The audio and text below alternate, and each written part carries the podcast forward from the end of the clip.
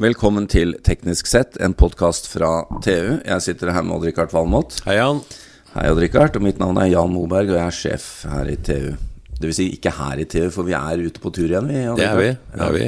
Ikke så langt unna, men uh, Nei, Lysaker. vi er på fremmed grunn. Fremmed grunn. Jeg har vært her før. Vi er nemlig hos Storebrand. Ja. Og eh, det må vi bare medgi at eh, det er litt fremmed territorium for oss. Det er det. Og vi er ikke her for å reforhandle uh, reiseforsikringa vår. Nei. Nei. Uh, og, men vi har vært her før, og grunnen Sist vi var her, så fikk vi snakke med en sivilingeniør om spennende fremtid og endringer i Mm. Ja, Det var jo sånn. litt sånn overraskende at vi fant rødruss i det her blårussmiljøet. Og når du da oppåtil fant en partikkelfysiker her, Så er det jo bare helt utrolig. Da skal vi snakke med han også. Selvfølgelig. selvfølgelig. Henrik Wold Nilsen, velkommen. Jo, takk for det. Eller du, du bor jo her. Eller du jobber jo her. Jobber så velkommen til deg er vel kanskje unødvendig, men, men dette ble spennende. En partikkelfysiker eh, som jobber med store penger og investerer i fremtidig avkastning. Fortell. Ja, nei, Som dere var inne på, så studerte jeg partikkelfysikk før. Tok doktorgrad i det, eh, knyttet til litt sånn forstudier til eh, jakten på Higgs-bosone på, på CERN. Um, og så, eh, når jeg eh, fant ut at det var på tide med noe nytt, så begynte jeg å se på hva kan jeg bruke disse verktøyene jeg har lært meg til. Og da viste det seg at i finansverden så er det å programmere statistikk, eh, tallknusing, forstå store, store datasett, det er nyttig vare. Så da gjorde jeg den switchen til eh, Storebrand her. Så det er ikke sånn at du ble arbeidsløs når du, når du fant uh, Higgs-bosonen, altså? Uh, nei, det, Men Higgs-bosone er litt sånn at fant det, fant ikke, fant det, Ja, fant det er ikke. Er det ikke det? Ja, det er det. Det er statistikk. Men, men um, det, det du jobber med nå, er jo å sørge for at uh, Riktignok hvis vi har pensjonspengene hos deg, da, så skal du sørge for at uh, når vi blir, eh, trenger dem, så har vi investert i optimalt i forhold til klimarisiko og andre ting. Ja. Spesielt dette med, med å ta hensyn til klima og endringene som pågår. Hvordan, eh, hvordan tenker du? Hvordan er bakteppet ditt når du tenker på disse tingene? For det, det er store penger og mange selskaper dere må ha oversikt over. ja Men før du Det var jo veldig store penger. Altså 180 milliarder kroner er det dere sitter og forvalter i, Ja. i grønn retning. Um, ja, det er- stemmer. Det er 180 milliarder vi har på teamet. Så har vi lansert noen nye sånne fossilfrie fond der vi ser mer på det med klima. Der har vi eh, rundt 20 milliarder i de. Og det er pensjonspenger eh, involvert for eh, er det vel 1,2 milliarder nordmenn sist gang jeg sjekket, og 700 000 svensker. Så det er jo en del som er eksponert mot dette. Og bakgrunnen, når du ser på bildet. Hvis jeg tenker i hvert fall på min egen pensjonstilværelse, da, så må jeg nok innse at jeg må holde på til eh, 2050, 2055 der omkring.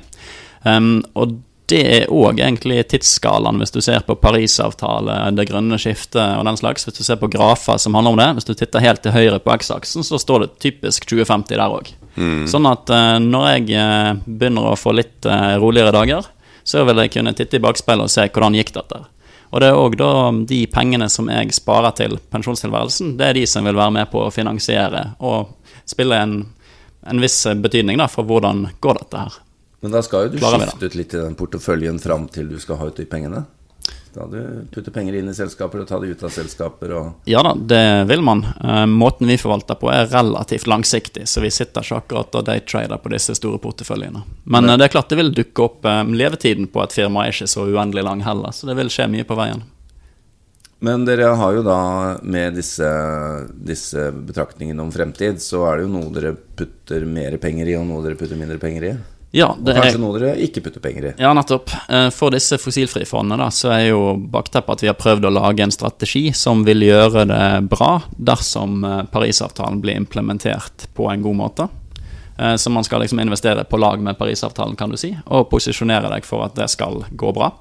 Og det er klart, da er det selskapet som per i dag leverer produkter og tjenester som er en del av problemet. Um, og så er det andre som uh, er en del av løsningen. Så da tar vi og skyver pengene i retning av de som er løsning. Og uh, i disse fondene da, så investerer vi ikke i fossilbransje. Hva, hva omfatter det, da? Um, tradisjonelt oljeselskaper, kull og den type ting? Ja, du kan, du kan jo differensiere litt innad i fossilt òg. Det er klart kull og oljesand, det har vi tatt ut, de som er store på det, på tvers av alle, alle midler vi har på husene. Men det har vel nesten alle gjort, har de ikke? det? Altså, Jo. det, er, det er ikke spesielt lønnsomt når de ser krystallkula på kull og, og oljesand. Nei, det er jo virksomheter som man bør håpe at blir faset ut. Eh, Så vil det jo variere over tid. Så til å begynne med etter vi gjorde det, så gikk det veldig bra. Altså les kullet kull gikk dårlig. Ja. Eh, Siste eh, halvannet året så har det gjort litt comeback på eh, aksjekurssiden. De gikk ikke konkurser likevel. Så det vil jo svinge over tid hvordan dette gjør, men på lang horisont så har vi tro på at det er lønnsomt å gjøre det. Altså å avstå fra å investere i disse. Um, og så blir det jo interessant når man ser på olje og gass, spesielt for nordmenn. Så er spørsmålet eh, hvor mye fortsatt status quo, eller noe som minner om status quo, er kompatibelt med Parisavtale. Og da må du grave deg ned i grøten og se på eh, ulike scenarioer, f.eks. fra IEA, og ikke minst hva premisser de legger til grunn, som de kanskje ikke snakker så høyt om. Nei, Vi har jo vært litt kritiske til IEA, for vi syns de, eh, de eh, skjev, skjev, skjevbehandler noen industrier. Ja, da er vi to. ja, det er Ja, vi to, ja. det er olje olje. Men uh, dette med Norge og, og risiko Nå er det jo økonomisk så er det jo Nå er vi tilbake igjen. Nå er oljeprisen høy og relativt høy. Da vi tjener masse penger. Men øh, er hvor lenge skal vi være der? Altså, for det første, er det med på å hindre fremvekst av, av nye scenarioer, eller, eh, eller går det like fort som før?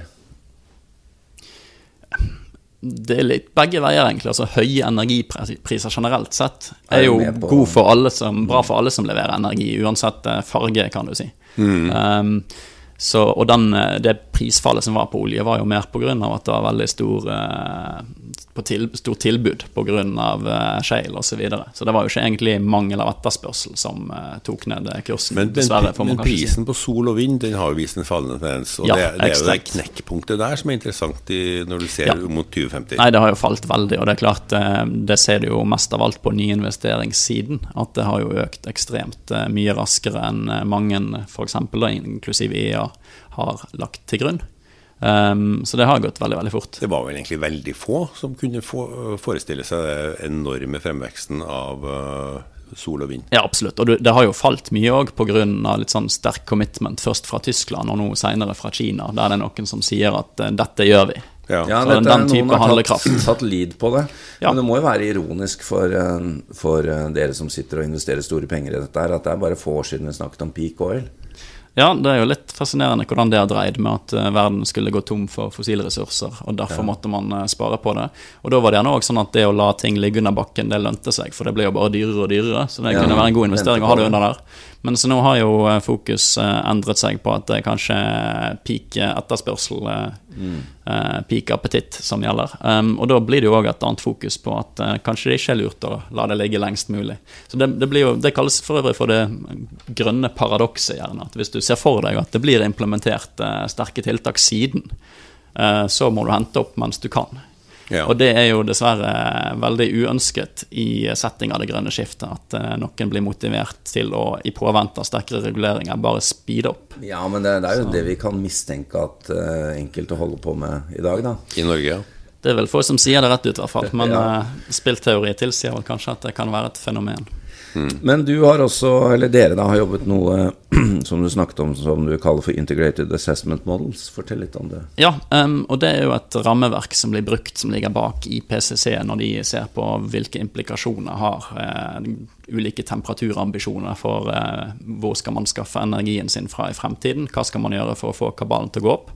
Så ser de på en mer sånn holistisk uh, optimeringsbasert approach, der du sier vi skal klare togradersmål, mål, eller vi skal klare 1,5-gradersmål. Og så er spørsmålet hvordan kan du gjøre dette billigst mulig. Um, så prøver de da å simulere denne fremtiden, og da må du legge inn ulike antakelser om teknologier osv. Det, og det har mange svakheter, for det er veldig vanskelig for de òg å spå om fjern fremtid. Det fine, den store styrken med det, er at du får alt opp på bordet samtidig, og du kan eh, sammenligne med hverandre. Og da Det er bra um, å ha som en balanse til gjerne mer sånn eh, det man kan mistenke ofte for å være mer egeninteressemotiverte eh, interessemotiverte enkeltutspill, gjerne for eh, bedre regulatorisk eh, regime for enkelttiltak, uten å gjerne ha en sammenligning mellom det foreslåtte tiltaket og alt annet man kunne gjort med de samme pengene. Men det blir jo mange parametere, da. Det blir veldig mange parametere. Er, eh, er carbon capture and storage en del av dette? Ja, jeg har sett veldig mye på en evalueringsrapport av disse industri-CCS-prosjektene nå. Og der er det tydelig at de økonomene som har brukt priser, altså hva er nytten i fremtiden av å fange et tonn CO2, de har tatt eh, outputen fra sånne integrated assessment-modeller. Eh, Uten, kanskje litt frekt sagt, men mitt eh, sterke inntrykk er at de ikke har skjønt hvor det tallet kommer fra. For det er i de modellene de da tar outputen fra. De som lagde modellen, de har antatt at karbonfangst og bioenergikarbonfangst det er fritt tilgjengelig, eh, og du kan bestille det, og det koster gjerne 50-100 dollar tonnet. Og hvis det er sant, så er det ikke så veldig verdifullt å unngå CO2-utslipp i fremtiden, for du kan jo bare sanke det inn igjen ved hjelp av denne teknologien. Men når du bruker det premisset for å evaluere lønner det seg å satse på dette som et testprosjekt i Norge til en mye høyere kurs, unnskyld, pris, sant? så du kan ikke først anta at noe koster 100 dollar, så prøver du å bygge det i virkelig verden, så kommer du fram til at det er mye dyrere, og så sier du at det, det lønner seg ikke å bygge det i virkelig verden, for det, inni modellen vår kan vi bestille det mye billigere. Men du kan ikke bestille det mye billigere, for den modellen er bare en modell. Ja. Så der er det noe som er snublet alvorlig. Det er jo litt der vi er nå, da. Fordi eh, vi mangler jo disse store CCS-gjennombruddene, store prosjektene. Selv om det finnes noen Ja, Det finnes en del demoanlegg, men det har jo ikke kommet i praktisk betydning i den grad man trodde. Nei, det har det absolutt ikke. Eh, Og det er veldig fascinerende òg å se hvor lenge kommer det. Altså, for jeg tror, gitt sterk nok commitment, så tror jeg det vil være mulig. Det er ingenting som tilsier at det er umulig. Men det vil jo drive opp prisen på strøm ganske formidabelt. Ja da, så om det er politisk mulig Det, Ja. altså, det politiske mulig og det ingeniørmessig mulig er jo to forskjellige ting her. Ja. Men, men det man skal være klar over, i hvert fall er at hvis man alle som henviser til IEA for f.eks. å si hvor lenge kan man fortsette med status quo på eh, fossilsiden, de legger til grunn at det skal komme ekstremt mye karbonfangst. Så da må man òg vise en eh, vilje til å bidra på den siden òg. ikke kun eh, bidra på utslippssiden og si at noen andre skal drive med karbonfangstsiden. Så eh, hva Nei, er det, problemet? dette er et kjempedilemma, og eh, det virker litt som at eh, CCS er, eh, er fossilsidens eh, batteriløsning. Ikke sant? Vi, på den andre siden trenger vi jo batterier.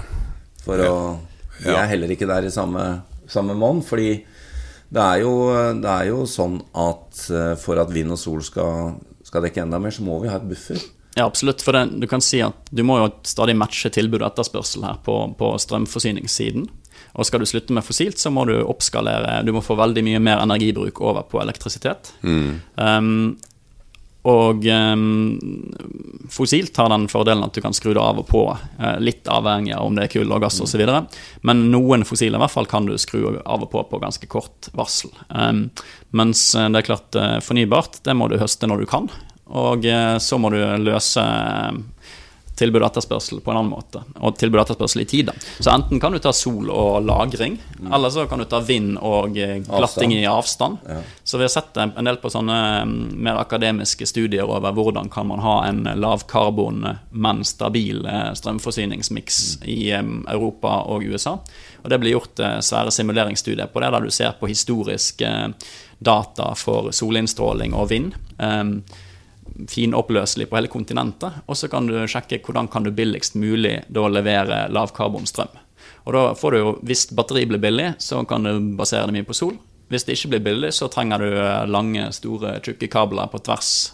I, eh, Til, til vind, vind ja, og så kan du ha vind. Og så ser du f.eks. at i Nord-Norge eller langs norskekysten blåser det veldig ofte. Og i særdeleshet så blåser det der når det kanskje ikke blåser på kontinentet. For værsystemer og lavtrykk er av en viss size, så et eller annet sted vil de være til enhver tid. Så må du bare da eh, source strøm derifra. Så aksjer i kabelselskaper, det kan være interessant. Eh, Faktisk så har vi sett på det. Altså I disse fossilfrifondene så investerer vi òg mer i det som vi ser på løsningene. Så, Infrastruktur, ja. Ja, og da, det åpenbare er jo klart alt som har med vind og sol å gjøre. Men, eh, men sant, å prøve å finne andre eh, eksponeringer òg for å spre risikoen. Um, så kabelprodusenter har vi da investert mer i. For hvis sol og vind skal lykkes stort, så er det òg sannsynlig at kabelprodusentene kommer til å ha bedre tider. Og så selvsagt òg alt som har med energieffektivitet, isolering av hus osv. ja. Så må vi jo ta to ord, eh, Odd Rikard. Vi har jo tilhengere av kjernekraft. Ja, altså Vi har jo litt spesielt forhold til kjernekraft i Norge. For det første har vi det ikke, men vi har en veldig stor aktivitet når det gjelder å gå over til thorium. Og det er jo interessant, sikkert for deg som partikkelfysiker også. Ja, det er klart det. Kjernekraften blir vi ikke kvitt med det første. Nei, det, Og den slipper jo ikke ut CO2. Um, det har andre ja. ulemper. Da må du se i hvert fall på sånn life cycle ja. assessment, som fort dukker opp. at du må Ja, ta for det må jo dere også gjøre når dere skal putte penger i, i disse tingene. Se på life cycle. Ja, det er jo der du får um, hele Store bildet, da da. Sant? Eh, Hvis du bare ser på et bruddstykke av en verdikjede, så kan ting se annerledes ut enn hvis du ser på helheten. Uh, På personlig nivå så har jeg ikke et fundamentalt noe sterkt imot uh, atomkraft, men jeg registrerer jo at det har en ulykkesrisiko, så det er en stygg halerisk der. Og så er det dette med avfallshåndtering eh, etterpå. Og så kan du vel si at gruvevirksomheten ikke er helt uh, karbonfri. Men, eh, men det er klart, sånn som Frankrike har jo et, en av de strømmiksene med lavest eh, CO2 per kilowattime. Men vi må jo nevne nye, nye typer kjernekraftløsninger, da. De, de annonseres jo på gang. Ja, og du kan også se på fusjonskraft, Ja. som er liksom stadig jokeren som uh, ikke helt Martin, kommer ennå. eh? Ja, Lockheed Martin har annonsert at de skal på markedet i løpet av en tiår. Og det er jo helt uh, Altså Hvis de er riktige, så, Hva- så er jo forholder alt dere som investorer dere til sånne utsagn? Det har vel historisk òg vært fortløpende til enhver tid eksisterende påstander om at noen har løst dette, og så har det ikke kommet. Det nye her er vel at det er en såpass stor aktør som påstår det. Ja, det er det. Um, Det er det. Ja. Vi må gå inn for eh, landing, vi. Eh, det her kunne vi jo sitte og snakke lenge. ja, dette er moro. Eh, Jeg vil at du skal avslutte med å snakke litt om risiko. Fordi du, du har jo vært veldig tydelig på at i hvert fall alle vi nordmenn har jo oljerisiko. Ja, definitivt.